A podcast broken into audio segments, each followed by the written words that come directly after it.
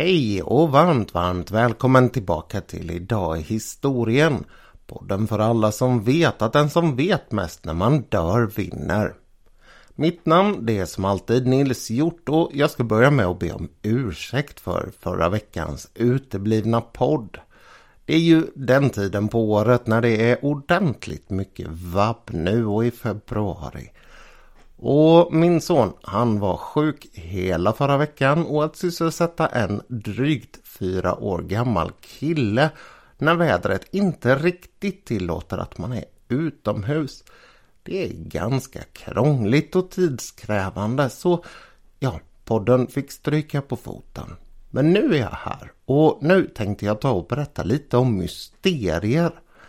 Det finns ju faktiskt en hel del sådana i historien och även om det kanske inte är den största intellektuella övning man kan ägna sig åt så finns det en hel del spänning att vinna ur de här mysterierna.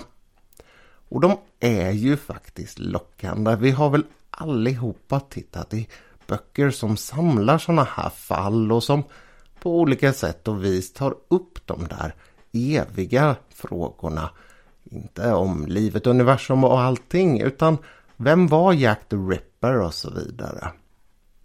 Jag tänkte ta tre fall idag. Tre stycken med lite olika grad av igenkänning.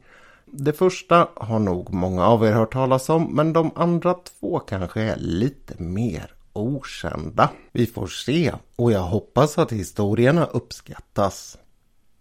Först ut är alltså berättelsen om Mary Celeste, förmodligen det största skeppsmysteriet någonsin. Den här båten höll jag på att säga, det här fartyget, det lämnade New York den 7 november 1872. Det var en brigantin på 282 ton, inte ett jättestort skepp men tillräckligt för att klara Atlantresorna utan några större bekymmer. Skeppet det skulle till Genua och med sig i lasten hade man en stor mängd alkohol. Någonting som på olika sätt skulle så att säga förstärka myten längre fram. Det seglades av kaptenen Benjamin Spooner Briggs, en man som var väl ansedd och också delägare i skeppet. Så det fanns inga som helst frågetecken om hans kompetens vad det gällde att föra det här skeppet till sitt mål.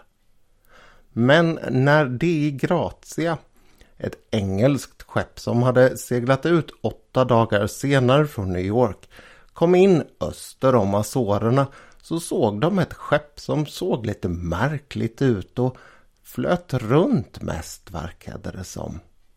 De höll uppsikt på det där skeppet när de närmade sig och såg att det också var märkligt hur segel och liknande var hissat. Man bestämde sig för att skicka över en båt när det inte svarade på några signaler.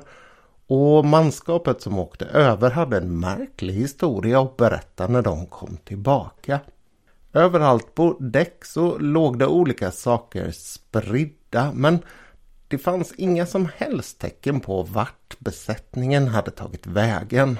Och när de gick in under däck så fanns det ingenting som tydde på att man hade planerat att lämna skeppet. Utan snarare så hade det skett i all hast. Kvar var olika personliga tillhörigheter och olika saker som skulle kunna vara bra att ha ifall man planerade att lämna ett skepp och försöka ta sig till något ställe där man kunde söka skydd. Kanske märkligast av allt var att man inte hade tagit med sig någon proviant alls och det fanns gott om det. De hade både mat och vatten för ett halvår ombord. Och på tal om vatten, det var inte så att skeppet var halvsjunket heller. Visst stod det en hel del vatten i skrovet, omkring en meter. Men det, det var inga bekymmer alls för ett skepp som det här. Man bestämde sig för att föra det här skeppet vidare till säker hamn så man tog det med sig och drog det hela vägen till Gibraltar. Det var en resa på ungefär 130 mil och när man kom fram där så började en utredning. Det var i sin ordning på alla sätt och vis. Man gjorde på det här sättet när någon hade med sig ett övergivet eller på annat sätt för att lyckat skepp in i hamn. Och det det i grund och botten handlade om det var att se om man var berättigad till någon form av ersättning från försäkringsbolaget. Men åklagaren där i Gibraltar, en britt såklart eftersom det är en liten koloni man har där, fattade viss misstanke kring Mary Celestes öde. Det fanns ju en del tecken på att det skulle kunna ha varit strid ombord. Var det så att de här som seglade de Grazia hade gjort någonting märkligt med de andra och sen tagit med sig skeppet för att på så vis kunna få ut försäkringspengarna? Man gjorde en noggrann utredning, en utredning som senare i och för sig skulle bli ifrågasatt. Och efter tre månaders arbete så kom man fram till att det fanns inga som helst tecken på att besättningen ombord på De Grazia hade fuskat. David Morehouse och hans män de fick de pengar som man ansåg de var berättigade till. En summa som för all del var mindre än den brukliga. Kanske var man fortfarande en aning misstänksam mot dem. Här hade den här historien kunnat gå i graven och försvinna som så många andra märkliga historier som ändå inte riktigt får fäste i det allmänna medvetandet. Men en ung skeppskirurg ville annorlunda. Tolv år efter att man hade funnit Mary Celeste så hade han skrivit klart en berättelse som handlade om en man som hade överlevt och berättade vad det var som hade hänt på det där skeppet. Historien var naturligtvis helt och hållet fiktiv men det fanns en hel del som påminde om det verkliga Mary Celeste. Och historien blev en superhit när den publicerades i Cornhill Magazine. Den unge skeppsläkaren hette Arthur Conan Doyle och han skulle ju senare bli ordentligt känd med sina historier om Sherlock Holmes. Den här historien om J. Habakkuk Steffsons statement den är absolut inte känd på samma vis. Men det var den som gjorde att det stora intresset för Mary Celeste började om. Och nu, nu började folk att komma med alla möjliga lösningar på vad det egentligen var som hade hänt det där skeppet som hittades drivande omkring ute på Atlanten 12 år tidigare. Historierna och förslagen som nu kom kring Mary Celeste gick från det troliga till det riktigt, riktigt otroliga. Det fanns de som undersökte det hela noggrant. Bland annat så gick den här åklagaren tillbaka till sina anteckningar och började fundera på vad det var som skulle kunna ha hänt. Och det fanns de som helt och hållet utgick från fantasi och menade att det var ett stort havsmonster som hade angripit skeppet och dödat alla ombord. Doyle han var säkert riktigt nöjd med den här nya utvecklingen och hans karriär den fick en rejäl skjuts. Men ingen kom på något sätt närmare en lösning vad det faktiskt var som hade hänt. Och bland de här förslagen som fanns så fanns det en hel del kring just alkoholen som jag sa tidigare. Det var nämligen så att några av de där tunnorna de visade sig vara tomma. Och kunde det ha varit så att besättningen hade supit sig full och gjort uppror mot kaptenen? Eller kan det ha varit så att alkoholen hade gått över till ånga och att den sen hade exploderat helt utan att lämna några som helst spår på skeppet från brand? Alla de här teorierna har senare undersökts på olika sätt och vis av, ska vi säga, olika skickliga personer. Så sent som 2016 så gjorde man ordentliga försök kring det här med explosion. Men man hade missat den lilla detaljen att explosionen som påstods ha sprängt upp däcksluckan faktiskt inte kan ha inträffat så eftersom däcksluckan var stängd om man går tillbaka till vad de som hittade skeppet har berättat. Och man måste nog faktiskt gå tillbaka till början för att kunna hitta svaret. Det gjordes av en eh, dokumentärfilmare året efter 2017. En dokumentärfilmare som dessutom var stöttad av Smithsonian, det stora statliga amerikanska museet. Hennes forskning utgick ifrån moderna teorier och möjligheter från vetenskapen och hon började arbeta baklänges. Var hittade man skeppet och vad fanns det för tecken på olika saker som skulle kunna ha inträffat? När hon tittade på det som fanns kvar ur loggboken, själva den riktiga loggboken är förlorad sedan 1880-talet, men det finns avskrivningar. Och när hon tittade i den så verkade det som att skeppet inte alls befann sig där kaptenen trodde. Det var troligtvis så att han hade fel på sin kronometer och börjar man titta på den övriga utrustningen ombord så finns det tecken på att det kan ha varit en hel del av den som också var trasig. Hennes teori landade till slut i att det dåliga väder eller till och med mycket, mycket dåliga väder som Mary Celeste hade färdats igenom i två veckor hade fått fartyget ur kurs. Ur kurs på ett sätt som svårligen kunde upptäckas när just de här instrumenten var fel. Och när stormarna återigen tilltog precis innan den där sista eh, rapporten i loggboken så verkar det som att de inte visste hur mycket vatten som hade tagit sig in i skrovet. Det var tydligen svårt att undersöka det när det fanns last ombord och man använde en särskild pinne för att göra det här. Den återfanns uppe på däck vilket antyder att man skulle ha använt den precis innan man lämnade skeppet. Och det kan ha fått kaptenen att beordra sin besättning om sju man och ta med sig sin fru och tvååriga dotter ner i skeppets enda livbåt. Ett felaktigt beslut alltså. Ett beslut baserat på att han var på en annan plats än vad han trodde och på att det inte fanns så mycket vatten i skeppet som han trodde. Den verkligt stora olyckan här var då att livbåten förlorades och att alla gick i havet. Medan skeppet Mary Celeste själv klarade sig eftersom det var i så pass mycket bättre skick än vad han själv trodde.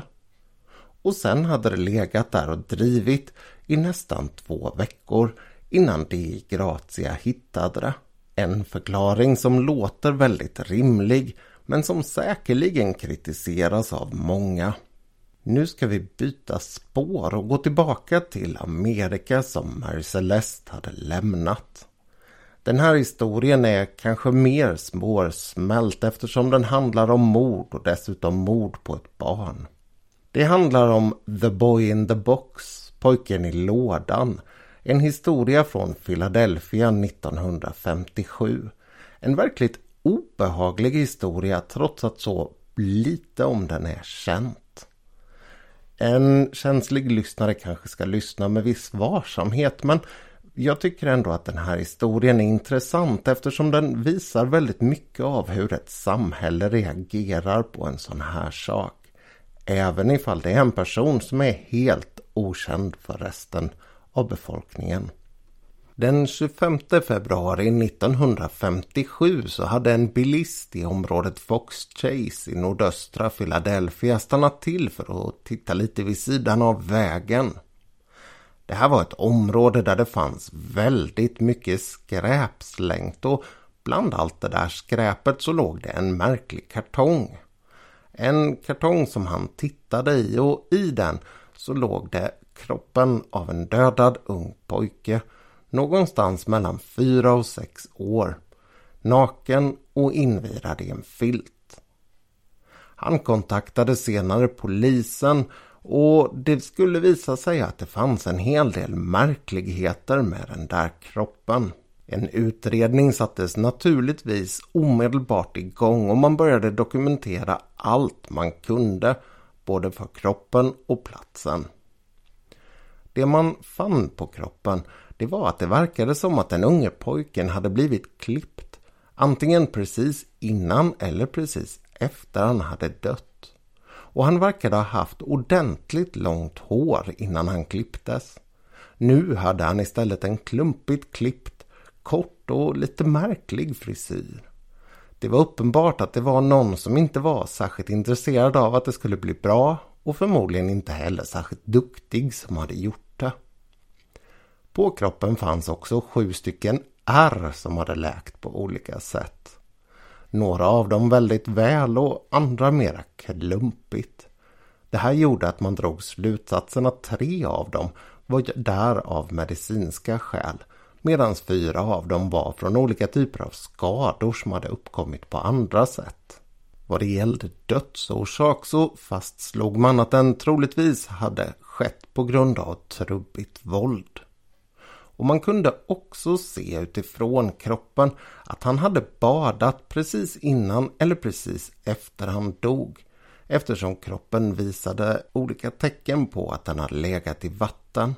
På platsen där man hade hittat kroppen så fanns det en väldigt stor svårighet i att försöka komma fram till vad det var som hörde ihop med den egentligen. Och i all den där bråten så hittade man en hel del andra saker. Bland annat mer hår, en eh, mössa eller hatt och en näsduk. Men det fanns egentligen ingenting som kunde leda utredarna vidare. Och det fanns inga vittnen som kunde berätta någonting om hur den här kroppen hade kommit dit. En av få saker som man faktiskt fick reda på det var att lådan hade legat där tidigare och att förmodligen någon hade kört pojken dit invirad i filten och sen tagit lådan på platsen. Precis som idag så väckte ett sånt här fall en enorm uppmärksamhet i pressen. Det skrevs mängder om pojken och han blev nu känd som The Boy in the Box. Men hur mycket pressen än skrev och hur mycket polisen än bad om att få in tips så kom det ingenting som ledde fram till att man på något sätt kunde fastslå ens vem pojken var. Platsen den genomkammades om och om igen av unga polisaspiranter men man kunde fortfarande inte hitta någonting mer. Man fick nöja sig med det man hade hittat på kroppen och det man kunde komma fram till det var att det fanns en del tecken som kunde leda vidare till vad han var för person. Till exempel så saknade han vaccinationsärr och han var dessutom omskuren. Tecken som man hoppades skulle kunna ge en fingervisning om vad hans föräldrar hade för tro och plats i samhället. Det här det ledde vidare till att man bland annat letade bland cirkusartister och flyktingar från Ungern det var ju många ungrare som hade lämnat hemlandet 1956 och några av dem hade tagit sig över till USA. Trots det så lyckades man fortfarande inte och åren började nu rulla på helt utan framgång. Philadelphia är till och från en mycket våldsam stad och högen av olösta mordfall bara växte och växte. Trots det så hade det här mordet fastnat i folks medvetande och pojken som hade begravts i en fattiggrav fick hela tiden en hel del uppvaktning. Poliser som arbetade med mordfall la ofta extra tid på att försöka lösa just det här gamla och ganska uppmärksammade fallet. Men hela tiden utan framgång. Man hoppades på ett genombrott på 1990-talet när DNA-tekniken hade börjat utvecklas och 1998 så grävde man upp kroppen för att ta ett DNA-prov ur en tand. Det gav ingenting utifrån de undersökningar man tidigare hade tillgång till. Men nu, nu fanns det åtminstone någon form av möjlighet att gå vidare ifall man skulle få in några andra spår i framtiden. Kroppen begravdes igen på Ivy Hill Cemetery i Philadelphia betydligt finare än vad den tidigare hade gjort. Till graven donerades också en ny gravsten och den bär inskriptionen America's Unknown Child. USAs okända barn. Och på något sätt och vis så har det här fallet etsat sig fast i det amerikanska medvetandet. Kanske för att det skedde så pass sent som 1957. Kanske för att det fanns en sån oerhörd diskrepans mellan den ganska orörda kroppen och upphittandet utslängd i en låda bland skräp. Men någonting som säkerligen har spelat extra stor roll i det här fallet är de många fotografier som har cirkulerat på den okände pojken. En del av dem faktiskt gjorda av polisen själva. Anledningen till att man valde att göra på det här sättet var att man inte fick in några tips och att man därför hoppades att om man tvättade av kroppen, klädde den och satte den i en position som gjorde att det såg ut som att den var levande eller åtminstone på något sätt påminde om det så skulle någon kanske kunna känna igen den bättre än på bara de bilder man tidigare hade delat med sig av. Men som sagt, det gav ingenting. Trots att det fortfarande väller in tips i det här fallet. Senast 2016-2017 så var det två författare som påstod att de hade lyckats lösa fallet. De hade på varsitt håll jobbat med en bok och de hade följt helt olika linjer. Den ena, en kvinna som påstod att hennes mamma hade köpt pojken och att man på olika sätt hade utnyttjat honom och sen dödat honom. Hennes historia stämde ganska väl överens med saker som bara utredarna hade känt till fram tills dess. Men hon hade också en hel del bekymmer, bland annat att hon själv hade haft långa perioder av psykisk sjukdom som gjorde att hennes vittnesmål blev ganska svårt att tro på. Den här författaren skulle dock jobba vidare med den här linjen och när han gjorde det så skulle han till slut genom en annan person möta en författare som jobbade på fallet utifrån ett vittnesmål om att någon visste vem det var som hade sålt pojken.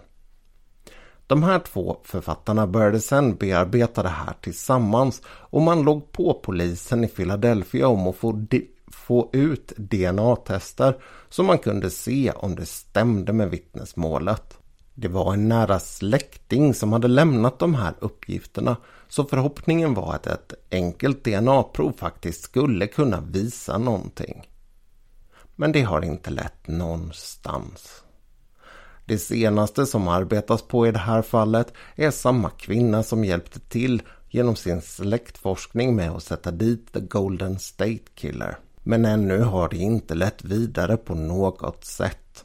Trots allas förhoppning om att kunna ta bort den där inskriptionen på gravstenen och ersätta den med ett riktigt namn. Nästa mysterium som jag tänkte ta upp har kanske inte lett till lika mycket tv-serier och tidningsartiklar som The Boy in the Box har inspirerat till. Han har legat i grund för olika saker som Cold Case och CSI och sådana saker. Men L'Inconnu de la Seine, ursäkta mitt franska uttal som alltid, har istället bidragit till kanske vad vi skulle kalla för lite mer finkultur. Det här rör sig om något så märkligt som en dödsmask. En dödsmask som man inte vet vem den tillhör. En dödsmask som dessutom har blivit ett av världens mest kända ansikten och kanske det mest kyssta. Jo, det där märkliga stämmer nog faktiskt och det har en väldigt speciell och faktiskt god anledning. Men vi börjar historien från början. För så som myten kring Lankony de la Seine har utvecklats så ska det ha varit så att hon hittades, den unga flickan som dödsmasken tillhör, i Seine någon gång på slutet av 1800-talet. Kroppen den fiskades upp och fördes till någon form av bårhus. Läkaren som tog emot henne där, han ska ha fångats av den särskilda skönhet hon uttryckte. Kanske inte att hon var klassiskt vacker så mycket som att hon hade ett väldigt märkligt ansiktsuttryck. Han, han blev faktiskt så pass tagen av det här att han kallade dit en man som kunde göra en dödsmask. Och när han var klar med den så visade det sig bli en riktigt lyckad historia. Enligt myten så lär det ha varit så att den unga flickan hade begått självmord för på kroppen så fanns det inga tecken på våld. Men man vet ingenting om det där för att personer som har sökt vem hon egentligen skulle kunna ha varit har hittat noll och ingenting. Inga anteckningar om en kvinna i hennes ålder som har hittats i Seine eller som har begravts eller någonting. Man vet inte när hon ska ha hittats och man vet inte heller var hon ska ha begravts. Det enda man vet är att det där ansiktet fortsatte att fånga fler personer än den där läkaren. En läkare som också saknar namn och plats i historien. Från att ha varit en mask som såldes mestadels i Paris så skulle den med tiden sprida sig ut över världen och bli något av en musa för den lite mer udda kulturen. Personer som kanske inte nöjde sig med att ha Mona Lisa på väggen utan ville ha någonting som var något mer pikant. Den okända skönheten från Seine har hängt på Pablo Picassos vägg. Hon har hängt på Rainer Maria Rilkes vägg, hon har hängt på Vladimir Nabokovs vägg och hon har hängt hemma hos Man Ray. Hon hängde även hemma hos Albert Camus som hade ett speciellt namn på henne. Den drunknade Mona Lisa. Och kanske är det just hemlighetsfullheten i hennes ansikte. Det där uttrycket av att vara nöjd som har gjort henne så oemotståndlig. För generation efter generation av författare och målare, diktare har kommit på nya öden kring henne. En del har påstått att hon har blivit lurad och bedragen av sin älskare, lämnad och sen begått självmord. Andra menar att hon i själva verket har varit förförisk och närmast häxlik och i sin tur själv har lurat andra in i det dåliga. Men ingen vet och ingen kan hitta några svar längre vad det verkar. Den okända skönhetens identitet är och kommer rimligen förbli en stor hemlighet. I en förort till Paris idag så finns modellen kvar som påstås vara originalet. Och den som vill köpa en egen Lanconi får betala någonstans runt 1500 kronor för ett så kallat original. Men många av oss har istället sett kopior. Inte kopior i gips eller på något annat sätt framställda från den där modellen. Nej, vi har istället sett dem i någon form av slabbig vinyl. Därför att när den österrikiske läkaren Peter Safar på 1960-talet utvecklade hjärt-lungräddningen så behövde han en modell att, att utbilda folk på. Och när han letade runt efter någon som var lämplig att tillverka en sån så hittade han en norsk leksakstillverkare. Mannen som ledde företaget hette Asmund Lärdal och han, han lär ha valt att göra ansiktet på den här dockan som han nu utvecklade utifrån en mask som han hade sett hemma hos en släkting. En mask som, ja, ni har ju såklart listat ut det här, var Lancony. Och på den vägen så har hon blivit ett av världens mest kända och kyssta ansikten. Och det här möjliga drunkningsoffret från Seine har på så vis blivit en symbol för liv och möjligheten att hjälpa och rädda andra. Med allt det här sagt så har det nu blivit dags för mig att runda av Även om det finns mängder av intressanta historier att fortsätta gräva ner sig i. Vem var till exempel hoppande Jack som plågade London och delar av England under slutet av 1800-talet? Och vem var mannen som kallas för Tamam Shud? Han som hittades på en strand i Australien. Eller till exempel Isdalskvinnan den misstänkta spionen som hittades i vårt grannland Norge 1970 och som ingen ännu har kunnat säga vem det var. Det finns en hel del att gräva ner er i ifall ni vill fortsätta på det här spåret. Jag sätter punkt och återkommer förhoppningsvis om vabben tillåter nu på söndag igen. Tills dess, allt gott!